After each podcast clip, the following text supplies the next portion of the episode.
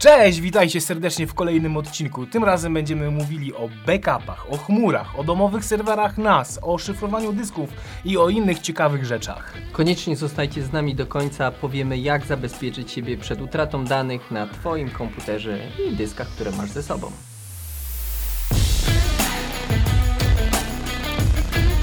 Cześć, witaj w kolejnym odcinku. To jest podcast o programach po ludzku, w którym mówimy po ludzku o programach, aplikacjach z życia codziennego, ale również z życia firmowego, biznesowego, bo tam też korzystasz z komputerów. Dzisiaj na elegancko mówimy właśnie o tym, jak zabezpieczyć swoje dane w domu, w małej firmie. Celowo mówię w małej firmie, bo nie poruszamy tej terminologii czy infrastruktury serwerowych, które są w większych organizacjach, ale jeżeli masz komputer, jeżeli masz y, tableta, jeżeli masz komórkę, jeżeli masz y, jakiś dysk sieciowy, powiemy, jak zabezpieczyć się przed tym na wypadek, gdyby wybuchł, gdyby go ktoś ukradł, albo po prostu przestał działać, bo tak. Wybuch to trochę grubsza sprawa, ale Zdarzają się. będziemy I o takich pożary. rzeczach mówić. Jak pożar w serwerowni. E, Pierwszą, najważniejszą rzeczą, o której musisz pamiętać, to szyfrowanie dysków. Dysków mam na myśli laptop, urządzenie, na którym codziennie pracujesz, piszesz maile, oglądasz wideo, gromadzisz zdjęcia itd. E, Szyfrowanie dysków jest potrzebne po to, aby po prostu ktoś ci nie tyle nie buchnął, ale jak już buchnie twój komputer, to po wykręceniu dysku twardego, żeby nie mógł tych danych przywrócić na swoje urządzenie. Innymi słowy, dane, które masz na swoim dysku są przemielone, zwertowane na inny kod i nie do użycia poza twoim komputerem. E, I do tego mamy w zasadzie dwie aplikacje w zależności od y, platformy, na Aplikacji- której pracujesz. Aplikacji jest wiele, ale natywnych aplikacji. Tak, tak, jak, powinienem tak jak powiedziałeś, aplikacji jest oczywiście wiele, ale ja osobiście polecam na Windowsa BitLocker. Dlaczego to? Bo jest to wbudowane i to po prostu działa. Na macOS y, File Vault. Y, Dlaczego? Bo jest to wbudowane i po prostu działa bardzo dobrze. Linuxiarzom nie tłumaczę, jak szyfrować dyski. No. E, Oni sobie poradzą. Ważna rzecz, jeżeli korzystasz z Windowsa Home, BitLocker nie jest y, natywnie wbudowany. Warto, żebyś miał Pro. O tym też mówiliśmy a propos oprogramowania do firmy. Jeżeli Tak. prowadzisz firmę, kup Windowsa Pro. Jest jeszcze kilka fajnych featuresów. Idźmy dalej. Co dalej? E, Drugą bardzo ważną rzeczą jest kopia bezpieczeństwa.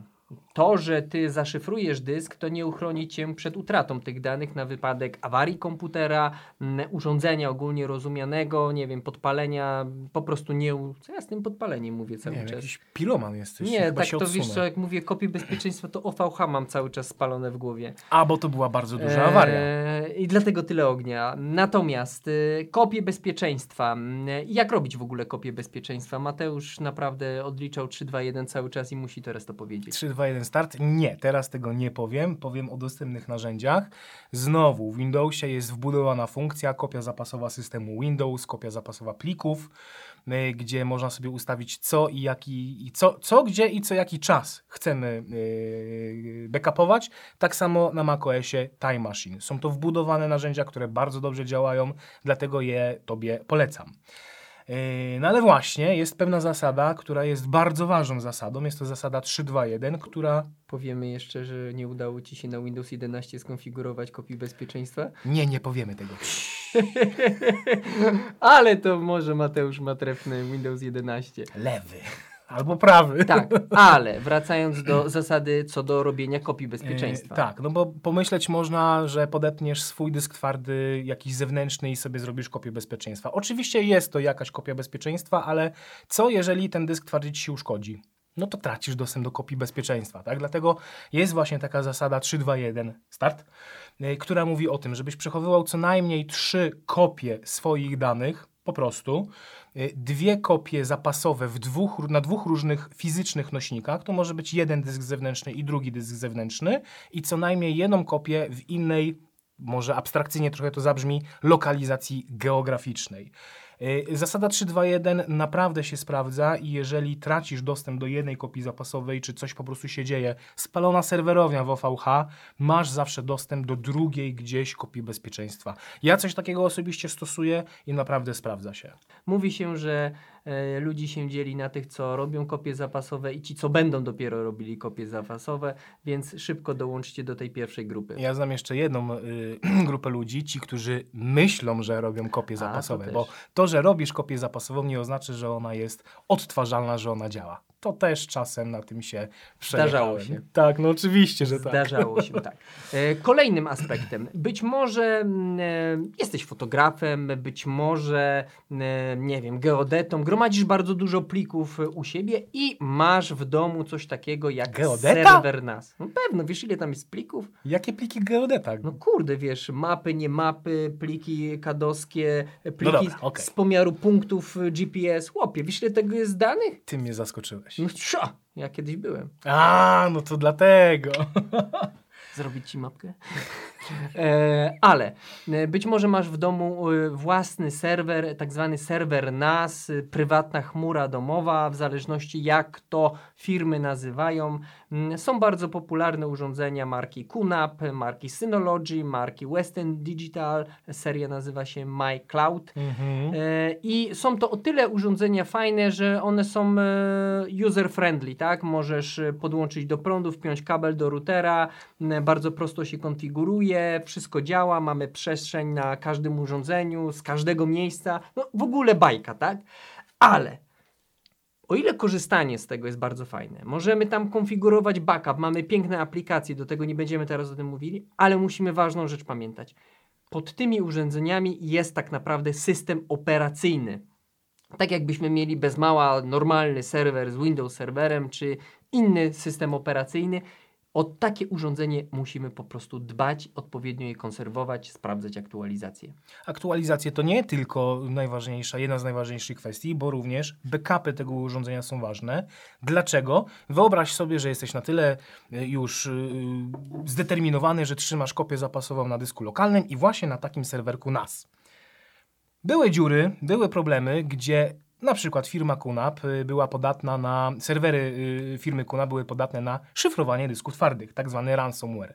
Jeżeli to jest tylko i wyłącznie twoja jedna kopia zapasowa, sorry, tracisz dostęp do kopii. Western Digital i jej, y, i ich MyCloud. MyCloud, tak, miały swego czasu taką dziurę, że można było zdalnie usunąć dane z tej chmury. Jeżeli to była twoja jedyna kopia zapasowa, sorry, budzisz się z ręką w nocniczku.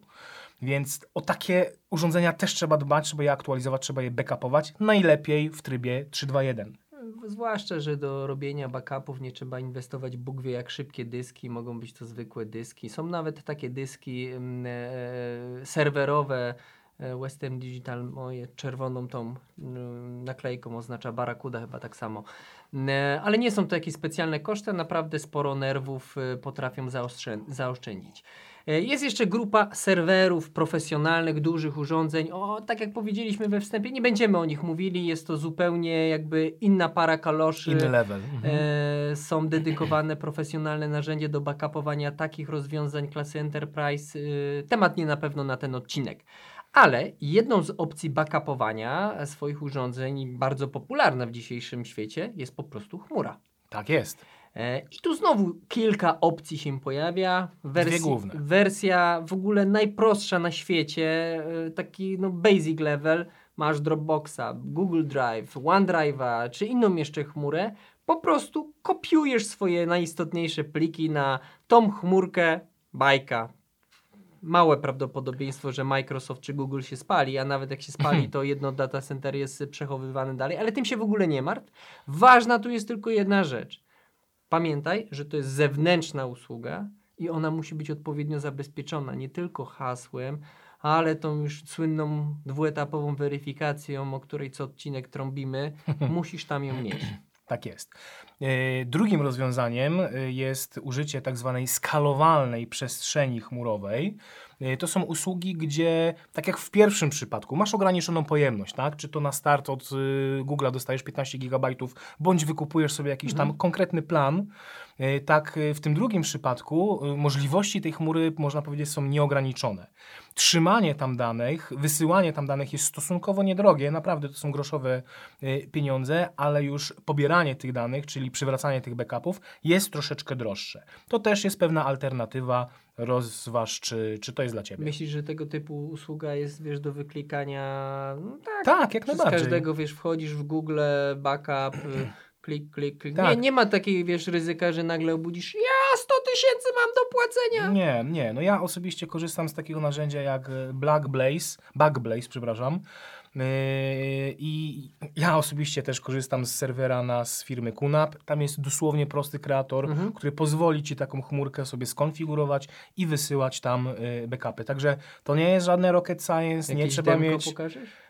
Czy nie trzeba mieć wyższego wykształcenia i doktoratu z kosmologii, żeby coś takiego uruchomić. Czy pokażę demko? No, Może kiedyś. no, może coś nagrasz. Zobaczymy. Jak będą komentarze, to Mateusz Tak nagra. jest. Pokaż, jaki masz backup i udostępnij.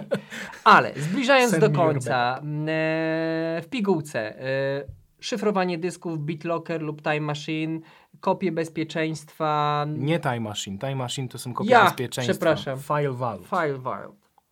Vault. Vault, yeah. E, kopie bezpieczeństwa w Windowsie, kopia zapasowa w Apple Time Machine. Yes. E, pamiętajcie, żeby mieć e, przynajmniej jeden zewnętrzny dysk czy urządzenie, na którym przechowujecie. Najlepiej dwa albo trzy, w zależności jak bardzo, jak bardzo strategiczne dane macie. To może być dysk zewnętrzny i chmura na przykład. To Jeż- są też dwa nośniki. Jeżeli korzystacie z serwerów klasy NAS, pamiętajcie, żeby dbać e, o ich kondycję, aktualizować e, i odpowiednio zabezpieczać przed dostępem niepowołanych osób. E, Jeżeli przechowywujecie dane w chmurze, jeżeli nie macie dwuetapowej weryfikacji, zawsze włączcie. Możecie poza standardowymi dyskami chmurowymi korzystać z usług dedykowanych do e, odkładania kopii bezpieczeństwa. Tyle w temacie. Jeżeli Wam się podobało, zawsze to chciałem powiedzieć, łapka w górę. E, napiszcie nam w komentarzach, e, co Wam się podobało, nad czym musimy popracować. E, jeżeli słuchasz tego odcinka w Apple Podcast, prosimy o recenzję, prosimy o 5 gwiazdek. Nic tak dobrze nie robi dla podcastów, jak właśnie dobre opinie, dobre e, oceny.